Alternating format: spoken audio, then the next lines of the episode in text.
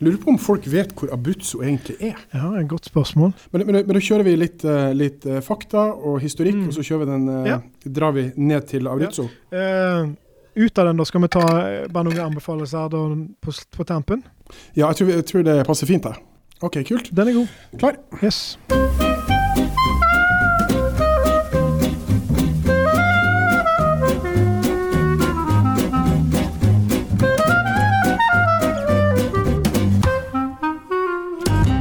Det er en glede å kunne ønske velkommen til nok en episode av Kulturs vinpod. Mitt navn er Finn Erik Rognan, Jeg heter Jon Kåre Håvardsholm. og vi er to vinglade folk som har jobba med vin i over ti år, og reist rundt i verden og smakt og sett. Det stemmer. Så vi liker oss eh, på tur, og vi liker å drikke vin. Det gjør vi. Eh, I dag så skal vi til Italia, og eh, som dere sikkert har sett i tittelsporet, så er det altså Abruzzo. Mhm. Eh, og Abruzzo, Jon Kåre, er det sånn at Skal vi gå ut fra at folk bare vet hvor det er? Eh, det kan nok være litt vanskelig, for det, det er ikke eh, så vanlig å reise til Abruzzo, egentlig. Eh, selv om at eh, Jeg kan anbefale det. Det er veldig vakkert eh, Ja. der. Men mesteparten av nordmenn når vi reiser til Italia, så reiser vi jo til f.eks. til Roma. Ja. Og så ligger da Abruzzo to og en halv time kjøretur på helt andre sida. ja, to timer når jeg kjører. Ja. Nei, det er sant. Det er to, to, og en halv times kjøring øst for, Roma. Og jeg må jo si det at eh, hvis vi skal nå prøve å beskrive litt vi, vi, vi, skal snart ned til eh, Abruzzo. Skal bli med Mm. ned dit. Men hvis vi nå skal bare si litt om eh, inntrykkene eh, når vi på en måte drar inn i Abruzzo. For ingen av oss hadde vært der før. Eh, og hva var det første som slo deg når vi begynte å kom, kjøre inn i, i landskapet der? Altså, det, det er jo at du, du kjører jo inn i et, et fjellmassiv. Um, Ja. Appenni- tror jeg det uttales. Ja, jeg Som- tror også det. Ja, som går liksom Det er sånn ryggen i Italia, i, i støvelen der. Og det er høye fjell. Det er høyere enn hva fjell vi har her i Norge. Uh, så, så det er veldig sånn karrikt og, og ganske vilt landskap. Um, og så kommer du da nærmere du kysten, så flates det litt ut. Og så kommer du liksom til, til noe som minner litt om Syden. Ja, det gjør det. Uh, der du, som du har uh, um, havet rett inn, da. Mm. Badeby, eh, badeby Ja. altså ligger der, liksom. Og vi var der, så var det eh, liksom akkurat eh, sesongen ferdig, så da ligger de litt sånn halvdøsig. Eh, Ja. og, da, og da har vi da kommet til Adriat Adriaterhavet. Så Stemmer. eh, Nei, jeg må si altså en, en spennende eh, vinregion. Eh, og de har grensa til uh, Molisse og Marche i nord, og Lazio i, i vest. I, sør har du altså Molisse. Og dette er områder som jeg egentlig ikke er så veldig kjent med. Så skal jeg være ærlig. Nei. Lazio er jo veldig kjent eh, for de som reiser til, til, eh, til Roma, for det er jo det området som Roma ligger i. Så, så det, men det er akkurat som du sier, det, det, dette, dette er områder som ikke vi kjenner ikke så godt til i, eh, i Norge. Men hvis du tenker deg at, at uh, den produserer rundt 22 millioner kasser vin i året, og den syvende mest produktive regionen i Italia når det kommer til vin, så tenkte jeg, uten at det egentlig sier meg så veldig mye Nei. Det, det, det er sant. Du, altså, Italia er et av de landene i verden som produserer mest eh, vin. Så, så da, da blir det litt sånn OK. Eh, 20. mest, ja vel. Eh, Ja. Men uh, det er jo noe å være der og se hvordan det er. Og det er mye vin der. Uh, men i, i researchen min så ser jeg jo at de, de har lagd mye bulkvin der som selges til områder som f.eks. Um, Toskana, Veneto og til og med Piemonte, som, som da får lage liksom mer viner og, og, og, og så blande ut med det, som jo har vært vanlig før i andre regioner. Så, så det har jo ikke vært en sånn stor tradisjon for sine egne viner der. Nei, det, det har ikke det. Og, og eh, jeg leste at eh, noen vineksperter som sa at eh, de mente at flere av de toppvinene fra Frankrike og Nord-Italia sannsynligvis er viner som kommer fra Abruzzo. Så har de selvfølgelig ikke noe eh, konkrete beviser Nei. for det, men det sier vel sitt. Um, men du, før vi tar turen ned Jon til, eh, til Abruzzo, eh, er det noe eh, historikk å, å, prate om i dette området?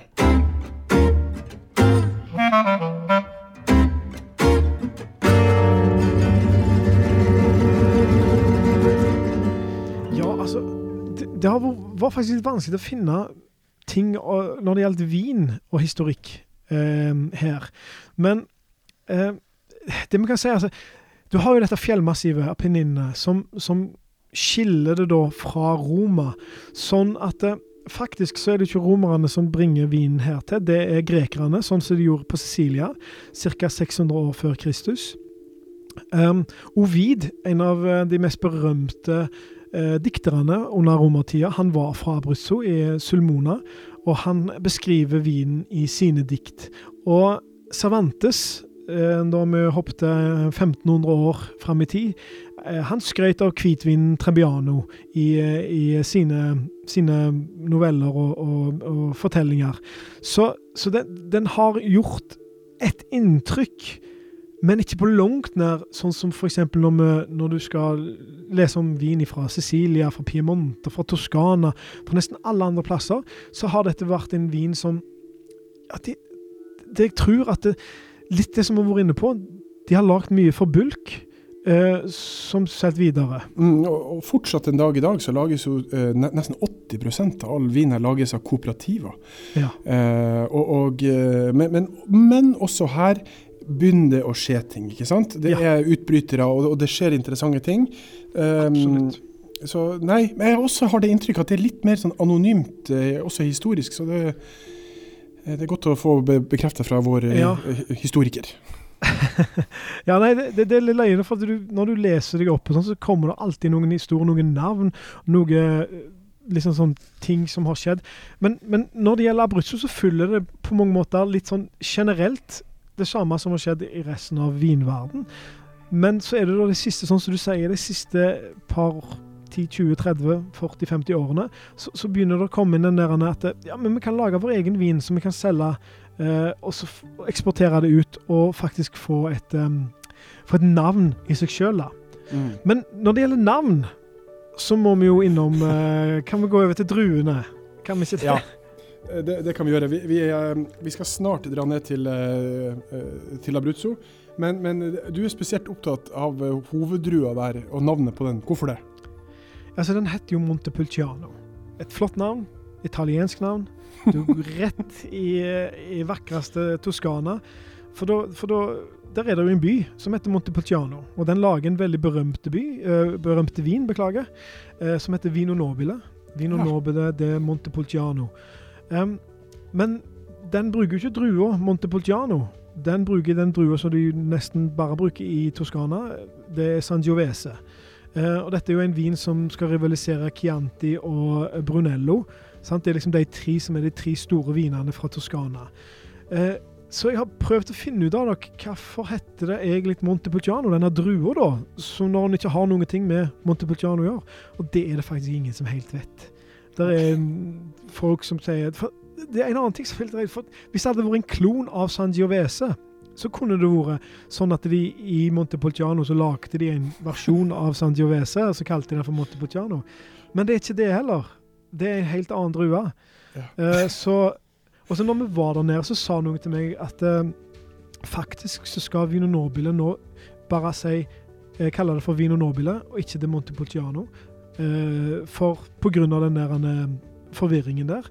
Uh, og så skal det stå Sangiovese under, da, siden det er denne berømte drua. Så, så, de har liksom gitt opp navnet på byen sin. Vino Nobile er det er Montepulciano-byen, sant? folk vet det.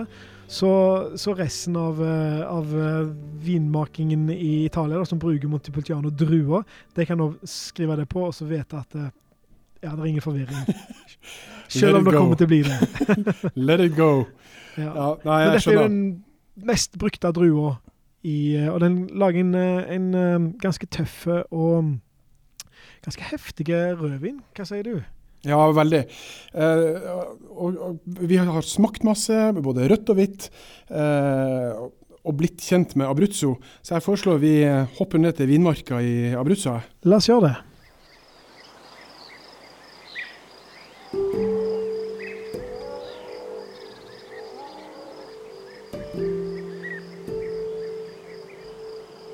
Ser de, de er klare til innhøsting. Altså. Ja, nå begynner det å bli eh, modent og godt. Nydelige blåfarger og en del eh, rosiner. De, de drueklassene er skikkelig sånn det, det, ser nesten ut som de holder på å eksplodere. Mm, ja, jeg tror det er Det er nok ikke mange dagene før, eh, før disse blir henta. Men eh, vi står her på, på, uh, i Abruzzo, i nærheten av Bologn, Bologno, er det noe sånt? Ja. ja. Adriaterhavet er en halvtimes kjøring østover. Stemmer. og, og de siste arbeiderne på vingården her vi er På vei hjem? Er på vei hjem, ja. De hører liksom en bil av og til. Ja, ja. Og sola er på vei over et et ganske stort fjell ja. rett fram. Jeg tror kanskje det er noe av det første du merker her i Abruzzo, at det er mye, mye fjell, rett og slett. Ja, veldig. Og, og uh, hvis du skal beskrive landskapet hva vi ser utover mm. her, hva vil du si? Altså, akkurat her vi står nå, så er det, det er godt gammeldags norsk ord er kupert. Det er høye fjell. Vi har fått vite at det, ene bak oss er 2900, og så er det ett uh, foran oss som er 2700. Så, så, det er høye, høye fjell, høyere enn vi er vant med hjemme. Ja, Det er det. Uh, det er mye frodigere, mye grønnere. Det er jo selvfølgelig fordi vi er mye lenger sør. Um, mye daler, mye sånne små hauger. Så langt du ser, så ser du daler og, og strøk hele veien. Og så ser du en sånn eh, fin eh, kveldsdis mm. som gjør det litt sånn trolsk. Så ser du liksom, du ser fjell på fjell på fjell, men det, det, til slutt så dekkes det av en sånn fin dis. Det er vel eh, hva, 2-23 grader nå. Klokka er Vi nærmer jo litt over seks. Så eh, halv seks. Halv seks. Så, men det som er òg eh, Akkurat nå så kjenner vi ikke, men vi har vært her et par dager, og da har vi kjent en ganske ganske sterk vind som har kommet eh, langs med dalen som vi er i. Og, og, den er veldig viktig. De har snakket mye om den vinden. For den tørker eh, jorda. Den eh, blåser vekk eh, mye av det farlige insekter og sånt, og er med på å hjelpe, med på å hjelpe kulturen i, eh, i vinmarkene. Så, så, den er veldig viktig òg. Den, eh, det har vært et væromslag nå nylig, så den, ja. den, den, er ganske kjølig vind. Ja, det er det. Virkelig. Og, vi er jo eh, i slutten av september nå. Eh, høsten er virkelig på, på vei. Så, så, nå går det mot kaldere tider. Men her, her, her, blir det snø.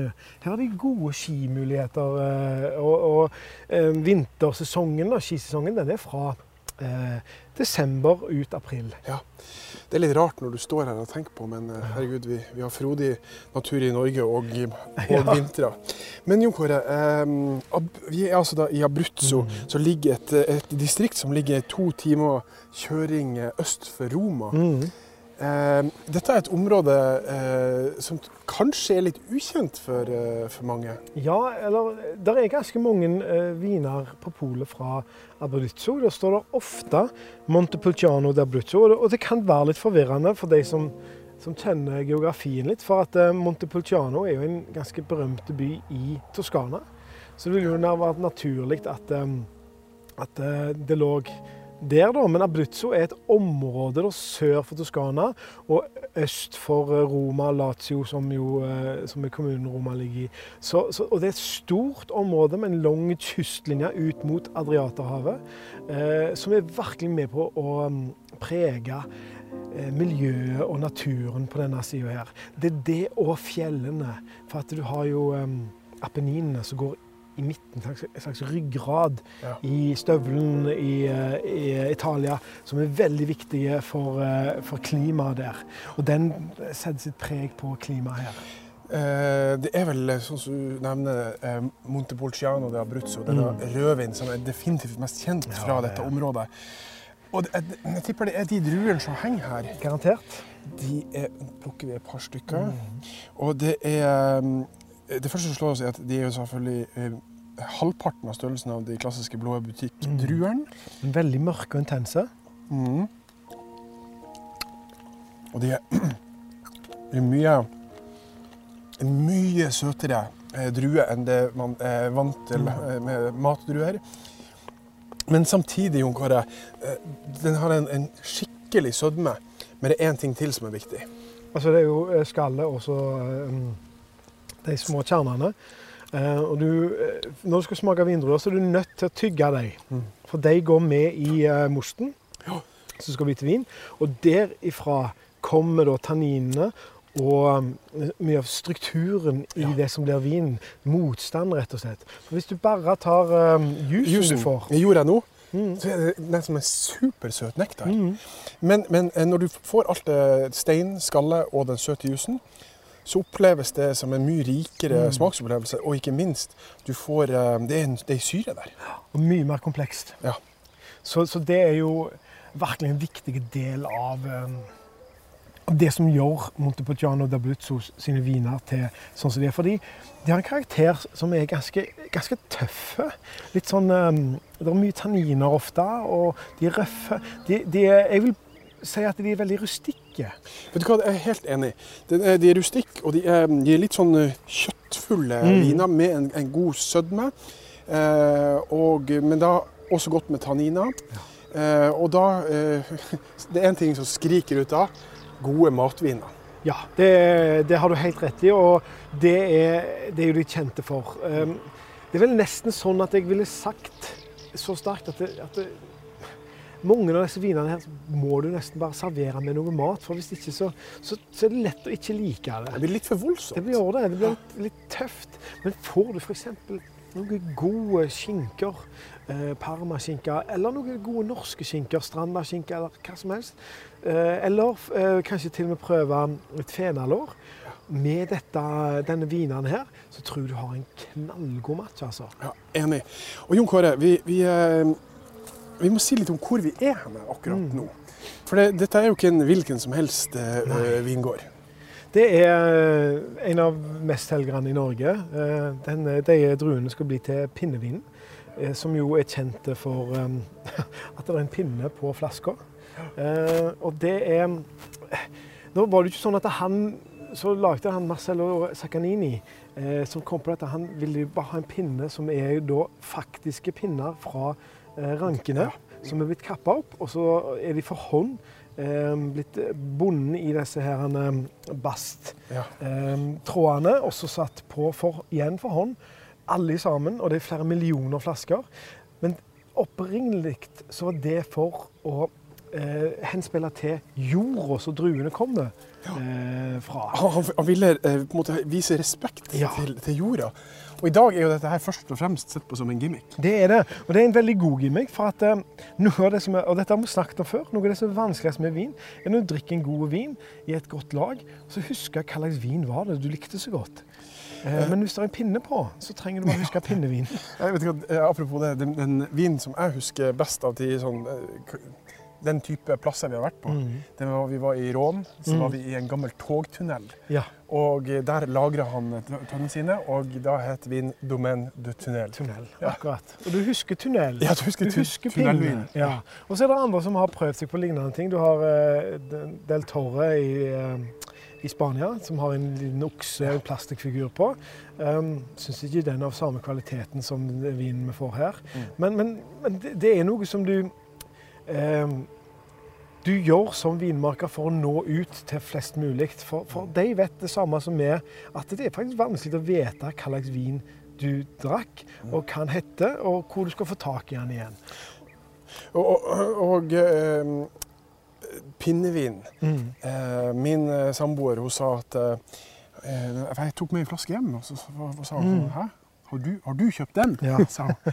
Eh, litt sånn skeptisk. Jeg sa ja, eh, vet du hva, vi, vi skal ned dit, så vi må Mm. gjøre litt research. Og så sa jeg det at vet du hva, det her er, dette er undervurdert. Ja. Eh, mange tenker nok at dette her er en, eh, en, en, billigvin som Ja. på en måte holder billig kvalitet. Hun smakte på den og var meget overraska. Ja. Jeg tror kanskje det Du har helt rett når du sier eh, undervurdert. Men det, er, han er nok undervurdert av eh, sånne som oss. Ja, Av, det av snobber, rett og slett. eh, Mm. Som gjerne skal ha eh, vin fra bitte små produsenter, og, og som, ja, som legger mer sin sjel i det, føler vi. Og det, det er ganske dumt, av og til, for da unngår vi å, å få gode kvalitetsting som denne, de vinene. For det er, det er godt lagt. Det er òg faktisk lagt med tanke på det norske markedet, det skandinaviske markedet, for de selger veldig mye her. Så de har liksom tanker eh, Importørene får innspill Sånn at vi får mer retta mot uh, hva markedet er i Norge, f.eks. Men igjen, da. Jeg syns at um, skal du ha pinnevinen så må du og mat ja. Altså. For det er så ja. Men samtidig, da får du en fantastisk opplevelse. Vi, eh, I går fikk vi smake eh, en vin som også er tilgjengelig i Norge. Det er mm. altså en eh, ekstra lagra utgave av pinnevin som heter mm. Reserva. Mm. Eh, den, har, den, er lik med pinne, bare at den har en sort grunnfarge i etiketten. Ja. Eh, og det Vi hadde en liten sånn uh, utfordring der vi skulle prøve å matche mat og vin. Mm. Og den ble servert til en uh, bistecca di fiorentina mm. og noe lammespyd. Mm. juryen som smakte dette, de var meget imponert. Mm. Og, og, og, det viser på en måte, for dette er det er lammekjøtt, og ikke mm. minst det i Fiorentina. Mm. Absolutt. Eh, nå, nå, nå ville jo du ha valgt en annen vin til akkurat den. Akkurat den, Men jeg kunne godt ha det, drukket den med, og jeg smakte litt på det når vi holdt på. Og eh, det er kjempegodt. Kjempegodt. Mm. Eh, jeg tror kanskje best til lammet, faktisk. Ja. Uh, lammet er noe de har mye av her. Uh, for de har så mye fjell og, og sånt. Så, så, så det er noe med når du er i områdene og ser på områdene og ser hva, hva de er kjente for sånn matvaremessig, så eh, er det ofte sånt, og det har vi lært eh, personlig av Vardøy, at mm. de er gode til de rettene de serverer. Så vinen og maten går hånd i hånd. For, for tradisjonelt sett så var jo vin laga altså way back mm. til å passe til maten fra området, naturlig nok. Så husk bare da um, over flerfoldige hundre år så lager de vin, og så tenker de at eh, denne drua var knallgod til dette lammet. Ok, Da planter jeg litt mer av den drua, da. For jeg vil ha mer av den, for, det er lam som er liksom det store. Så planter du, så kanskje du skipper noe av hvitvinsdruene. For hvitvin er ikke så interessant for deg, for du har ikke noe, vin som passer, eh, noe mat som passer til den vinen. Så sånt foregår det en slags naturlig seleksjon, men den foregår over flerfoldige hundre år. Um, og vi har eh, jo snakket veldig mye om den um, Phylloxera, eh, sykdommen som mm. kom på slutten av 1800-tallet. Og Det den gjorde, var å totalt ødelegge så mye av de lokale druesortene i områdene. Så når de skulle plante på nytt igjen, da, så planta de mer av ting de visste de ville få høy avkastning, og som var populære. Mm. Og Det var f.eks. en av grunnene til at chardonnay og cabernet sauvignon-druene ble så populære og spredde seg rundt omkring i hele verden. Mm. Du, apropos det du sier der, Jon Kåre. Hvis vi går opp uh, her mm. på enden av, mm. av uh, vinranken, så står det ved hver ja. vinranke så står det Rosebusk. Rosebusk. Rosebusk, ja. Eh, litt forskjellige farger. Ja. Eh, men det er, vel ikke bare for pynt? Nei, det er jo for at eh, de, eh, når det kommer lus og, og sånne ting på, i området, så, så, merker de at da dør rosene først. Så det her, Du har hørt om det der uttrykket 'en papegøye i kullgruva'? Nei, det må du forklare. I gamle dager så hadde de papegøyer i kullgruvene. De tålte mindre um, av den gassen som kunne komme ut, eller eventuelt at det var lite oksygen. Så hvis papegøyen dør, så måtte alle mann ut. Da... Vet du hva, Det der husker jeg, for det der, eh, når vi var i kullgruven mm. i England Stemmer. Under, under jorda og, og jobba. Så, si. ja. så, ja. ja. så dette her, rosebuskene er papegøyen i kullgruvene i, i vinranken. Og det ser du over hele verden. Ja. og så er det jo òg um, Dette var i gamle dager de gjorde dette. Eh, nå, nå, har de andre måter å kontrollere det på. De går rundt og sjekker mye bedre. Uh, men denne tradisjonen har holdt for roser er vakre. Ja, ja, ja. det ser veldig flott ut. Nå er det nydelig rosa, rosa, her, og så er det hvit eh, der borte. Det virker som annenhver er hvit og, og, rød her, faktisk. Det, jeg kan bekrefte at det ikke er plastikk. Nei. Så, så, så, det er jo somme, somme, tradisjoner tar du med deg videre. Og det må også sies at det, det er jo en genial måte å beholde um, en del av rikheten i og rundt vinmarkene. Og det vi òg kan se her, at uh, rett opp forbi oss så står det oliventre. Masse oliventrær. Ja. Uh, litt bare forbi så har de nyplanta en skog. Det er mye forskjellige varierte trær og vekster. Og det er for å bringe inn en, en multikultur. For at hvis du bare planter vinranker og sprøyter vekk sånn at ingenting annet kommer, så ja, du får mer intense vekst av druene, Mm. men det tar vekk så mye av karakter og kompleksitet til det, du, eh, det, det som vokser her. Så når du planter oliventrær, og når du planter andre trær, andre planter, så kommer det andre former for eh, krypdyr, det kommer andre fugler, andre ting, og det blir en symbiose der alle byr sammen. Det er helt, ja, det er helt Ja. fantastisk. Det der er, det er artig. Altså. Det er jordbruk på sitt aller Ja, gøyeste, syns jeg. Helt, helt strålende. Men du, eh, har, altså, Montepolciano di Abruzzo, Mm. klart den eh, største rødvinen fra Mm. dette området her. Knallartig. Prøv pinnevin hvis du ikke, ikke har gjort det på en stund. Men vi må kjapt innom eh, hvit Ja. og søt. Ja. Eh, hvitvin eh, herfra. Eh, vi smakte bl.a. en som var laga på en drue som het pecorino. Ja. Samme som eh, navnet som den italienske osten. Mm Eh, den finnes også som hvit pinnevin i Norge. Eh, hva, hva vil du si om, om den, Jon Kåre? Ja, den var fin. Eh, syrlige, friske. eh, en lettdrikkelig vin eh, som også kan gå til en del matretter. Jeg syns jo at det er kjempeartig med italienske eh, hvitviner. Mm. For det, det produseres helt klart minst eh, hvitvin i, Italia. Ja, ja, ja. Sånn at når, når du først får god italiensk hvitvin, så syns jeg ofte at det er spennende på et nivå. Mm. Husk bare når vi var Ja, hos ja. Luca Ruania i Mm. Piemonte. Han laga bitte litt hvitvin, men det fantastisk. ja, det var helt sinnssykt. Men så, hadde, så smakte òg den Treviano. Ja. Eh, og den syns jeg jo var veldig god. Litt mer kompleks, litt rikere. Eh, det er kanskje litt mindre av den. Ja, eh, eh, definitivt. Eh, Trebbiano de Abruzzo, vi smakte en fra eh, Valentin. Mm. og det av noen i reisefølget vi hadde med oss, sa at det var den beste hvitvin fra Ja. hele Abruzzo. Og det var rikt og komplekst. Og vi, vi prøvde å matche den med pasta med tomatsaus og lam. Ja, ragu. Ragua. Og det gikk nesten. Det var- Det gikk veldig godt. Det var Ja. den andre vinen som vi matcha. Ja, det var, ja, ja. Eh, eh, Men det, det de sa, at, at altså, den hvitvinen der takla faktisk alt pasta og lam mm. og ragu. Ja. Og det, det som man kanskje ikke tro. Nei, sant. Det er helt sant. Og det sier noe om, om, om at hvitvinene fra dette området her er vel verdt å prøve. Prøve, absolutt. Ikke er det veldig dyre hvitviner heller. Og så er det jo en som jo egentlig er en liten kuriositet, men så finnes det et par hundre flasker allikevel. Og det er en uh, musserende. Og vi, vi, eh, vi har nettopp vært der. Ja. Vi kommer rett ifra en eh, Han heter eh, Faustino. Faustino. Og bare hør på det navnet. Ja. Um, Sazara. Z-A, Fausto Fausto. Ja. Faustino er jo faktisk fra, fra Spania. Ja, men det er eh, det òg navnet på en karakter i, eh, i en eh, veldig berømt eh, teater. Ja, til mange som vil også tenke på det, men også eh, en kjent rødvin fra Spania.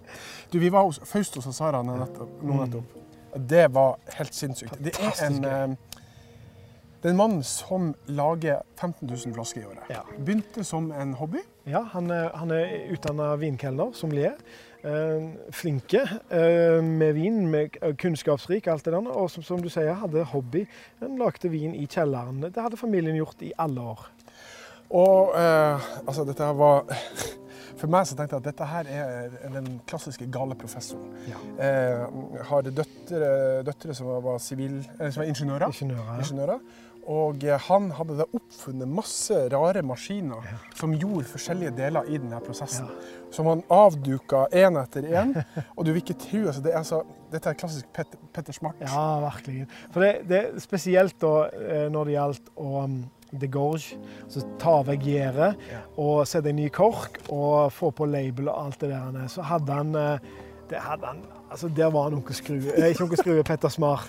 Det var helt Ja, nei, fantastisk. det, altså, han hadde tatt opp gamle eh, tønner fra Ja. bestemora, og så hadde han laga ting oppi de tønnene eh, som gjorde alle deler av denne prosessen. Mm. Det er nesten sånn at det er, det, er for komplisert å, å Ja, beskrive, men det, det, Kanskje det siste vi skal forklare, er når han hadde vasket flaskene. Skulle han tørke de? Ja. Hva gjorde han da? Du, da hadde han laget en, en, en pappeske med en, et hull på toppen. Ja. Og så hadde han en liten hårføner. Så satt han flask, vaska han flaska, satte den på gulvet, stappa eska oppå og så hadde han hårføner oppi hullet. Ja. Og så brukte han 30 sekunder med hårføner for å tørke flaska. flaska. Helt utrolig. Her, men det som er litt artig, for dette det der er et prosjekt som fort er det er noe han holder på med her i denne Ja, ja. Men det er tilgjengelig i Norge. Det er, som jeg sier, 200, 200 flasker. Og det er godt òg, vet du. Du, du kan eh, gå inn på, eh, på nettsiden vår, Mm. så, så finner dere eh, informasjon der. Men det er veldig verdt å prøve. Ikke det er dyrt. Ikke det er dyrt, det koster rundt 200 kroner. Og det må du betale for en god uh, musserende vin nå. Uh, og den, har, de, de har den hvite. Uh, den har også en rosé. Vi må nesten snakke litt om den, eh, den oransje vinen. For han, eh, eh, som alle skrullete og gale professorer, så driver de jo med eksperimenter, og noen eksperimenter går i glemmeboka en stund.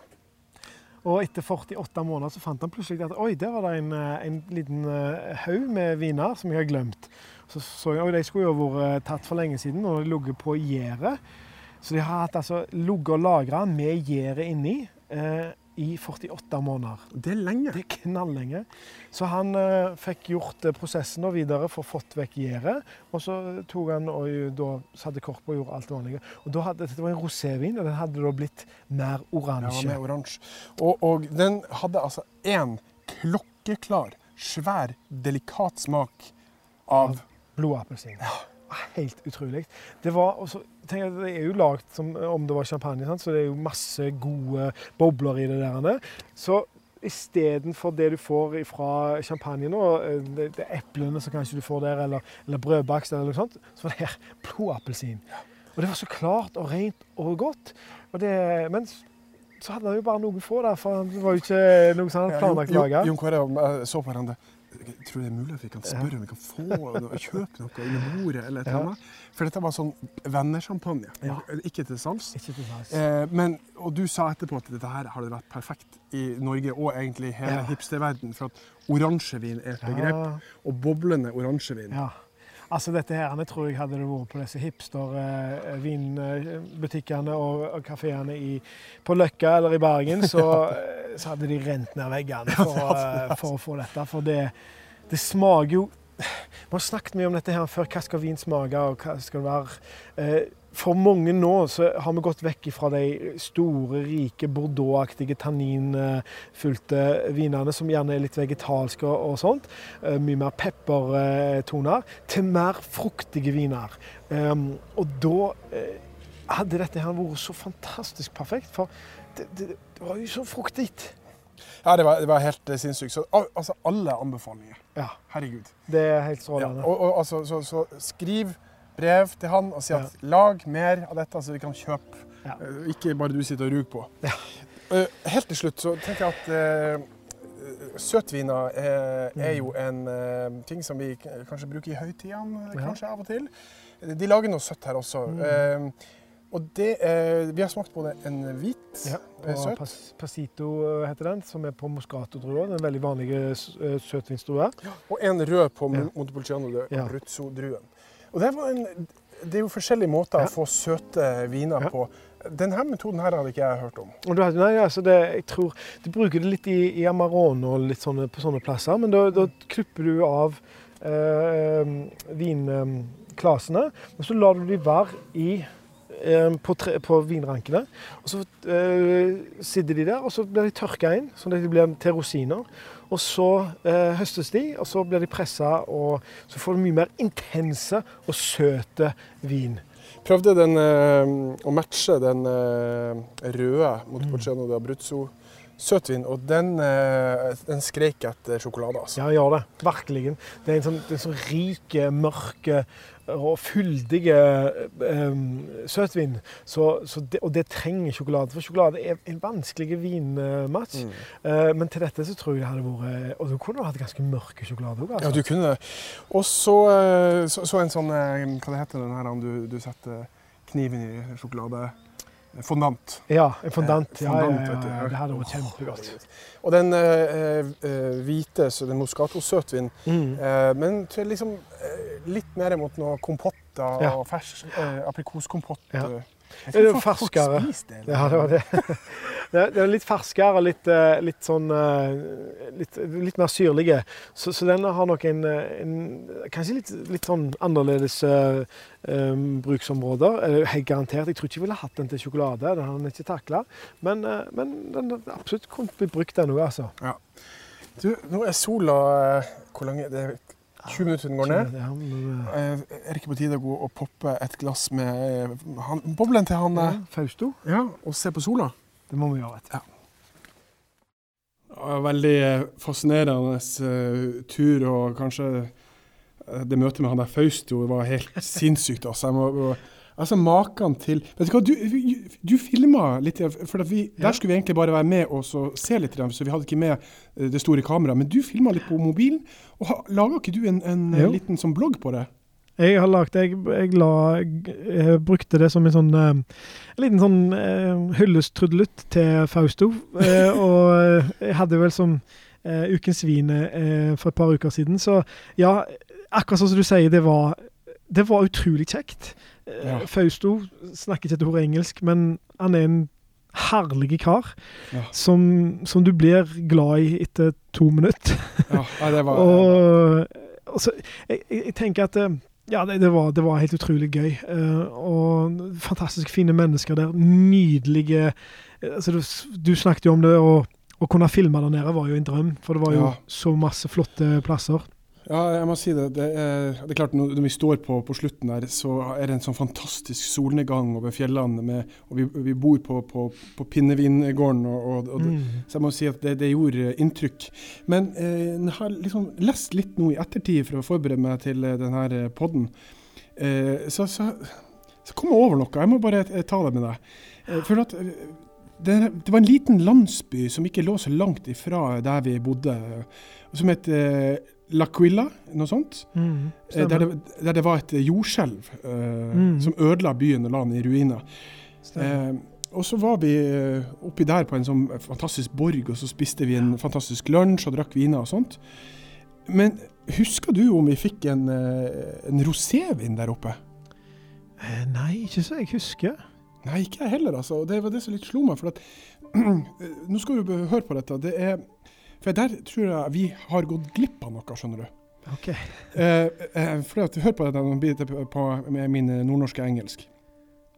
According to wine experts Joe Bastinak og David Lynch, ikke filmskaperen, these wines tend to be hotter than typical rosé wines, with exotic spice aromas along with dried cherry, orange peel, strawberry and cinnamon notes. Matt Kramer describes Serasulo, som den heter, den her eh, rosévinen, as one of the world's, world's greatest rosé wines. Ja.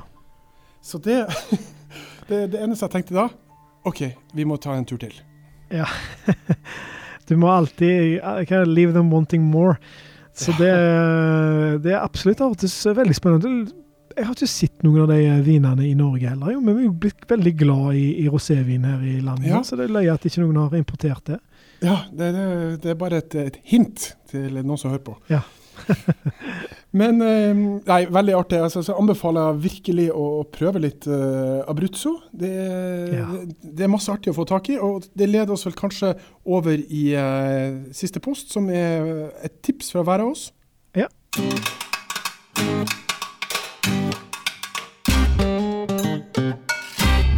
Ja, OK. Jeg kan gå først, Jon Kåre. Eh, ja, det, du. Og da må jeg jo si at eh, denne vinen som jeg skal anbefale, eh, er kun tilgjengelig på det norske markedet. Og derfor tenkte jeg liksom at det er litt artig. For, for de fleste av dere eh, kjenner sikkert eh, pinnevin, da, ikke sant? Eh, og har prøvd, eh, prøvd den. Eh, men det finnes en spesialversjon av den pinnevinen som er sånn typ 50 kroner dyrere og sinnssykt mye bedre. Mm. Det er en Cantina Saccanini Reserva 2013 til 199 kroner. Den har eh, helt lik etikett, bare at den er liksom svart. Så det ser ut som en slags nattutgave. Du vet sånn Når du kjører med GPS-en, og så når det blir kveld, så går den over i sånn dark mo modus. Så dette jeg føler jeg det samme. Det er liksom etiketten som går over i sånn mørkemodus. Um, den er fantastisk til, eh, til kjøtt, rike kjøttretter. Har godt med, med frukt, mørke frukt og bær, og, og godt med tanniner. Samtidig som de har fått slipt av seg. Det begynner å bli noen år, ikke sant? Det er ok, Mm. fem, fem år, da. Uh, men iallfall en god uh, Forskjellen, da, hvis du, hvis du lurte på det, Jon Kåre, var at det, den er lagra på eikefat i 30 måneder eh, og 6 måneder på flaske. Så det er en slags sånn superversjon av pinnevin, dette her, da. Ja, det, det er et veldig godt, uh, en veldig god anbefaling. Veldig godt kjøp. 199 kroner for en så god kvalitetsvin, det, er, det er bra, altså. Så det, der, eh, der støtter jeg deg på den. Um, for min anbefaling så jeg, jeg kommer meg ikke unna dette fantastiske møtet vi hadde med vår, vår gode venn Fausto. Eh, jeg har allerede hatt den som en sånn ukens vin, og jeg kommer faktisk til å si at eh, vet du hva, den var så god, og det var så fantastisk opplevelse å være der, at jeg eh, tar det som en anbefaling nå òg. Yes. Du må bestille den på polet. Det er 255 kroner. Og de har bare den ene, det er den, den hvite. Eh, han lager òg en rosé. Men jeg tenkte, når vi avslutter, så må meg og deg snakke litt om den siste vinen som han bare delte med venner. for- Ja, ja, ja. Det er jo noe spesielt med, med når, når vi er på tur, og så får vi liksom komme inn under møte vinmakere på, på deres hjemmebane. da. Mm. Og du, du får et forhold til dem. Og her var vi en god par timer med Fausto. Dagen før så hadde han lagd lunsj, og det, det, det var jo så mye god mat. Så kommer han med der og får smake av vinen hans, og så har han en vin. ja, han Og dette det. er da eh, Dette er typisk han. Han hadde glemt en rosé i eh, 48 måneder. Da hadde, hadde han ligget på, eh, på bunnfallet. Mm. Eh, så, så ok, skal jeg hive den eller ikke? Så han smaker den, så er det jo fantastisk. Og så, ok, Ja. men da lager han den, og så, så det liksom bare til gode venner. Kaller han for, for 48 måneder. Og så eh, Ja, forklar, Finn Erik. Hva, hva er det som kommer i glasset? Det, det er, en, det er en, en, nærmest en oransje eh, vin, Ja. eh, som er ulikt noe annet, eller vet ikke det, det er helt ulikt noe annet musserende jeg har sett noen gang. Eh, en intens oransje, briljant farge. Veldig delikat, den bare skinner mot deg som en sånn solned, flott solnedgang. Eh, og har en sånn, eh, så vidt jeg husker, så er det sånn fantastisk duft av, av appelsiner, blodappelsiner. og ja, og det, det, det jeg, Vi så på hverandre og tenkte det, For skrekken er da her at du smaker noe som er så godt, og som ikke er tilgjengelig for salg. Nei. For det, er sånn han sa Nei, dette var bare sånn, noe som går feil. Men nå tror jeg faktisk at uh, han eh, Han smakte det og, og syntes det var så godt, han òg. Og alle andre har sagt at det var så godt at han skulle prøve å lage mer. da, Men det er jo et, et lykkelig uhell, dette, da. Eh, og så tenker de Men tenk deg da, Finn Erik, du er på Grünerløkka. Blant hipsternes mekka. Ja.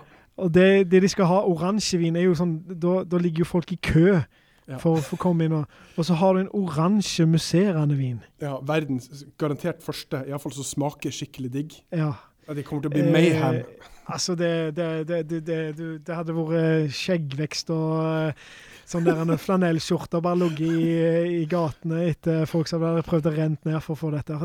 Men det var fantastisk. Ja, det var en helt utrolig opplevelse. Så Nei, eh, prøv, dere på den, eh, prøv dere på den, eh, den enkle, enkleste av hans. Den er kjempegod, den òg. Nydelig musserende vin. Går til ja, den som aperitiff. Kosevin. Ja, jeg er enig. Og så er det sånn at Hvis nok av oss kjøper Fausto sine bobler, ja. så kommer sikkert den, den her super 48 måneders hipster oransjeboblevin eh, til Norge også. Det, det er det som er håpet. Ja, det er det som er håpet. Til neste uke så får dere ha det riktig så fint. Det må dere, vet du. Ha det bra.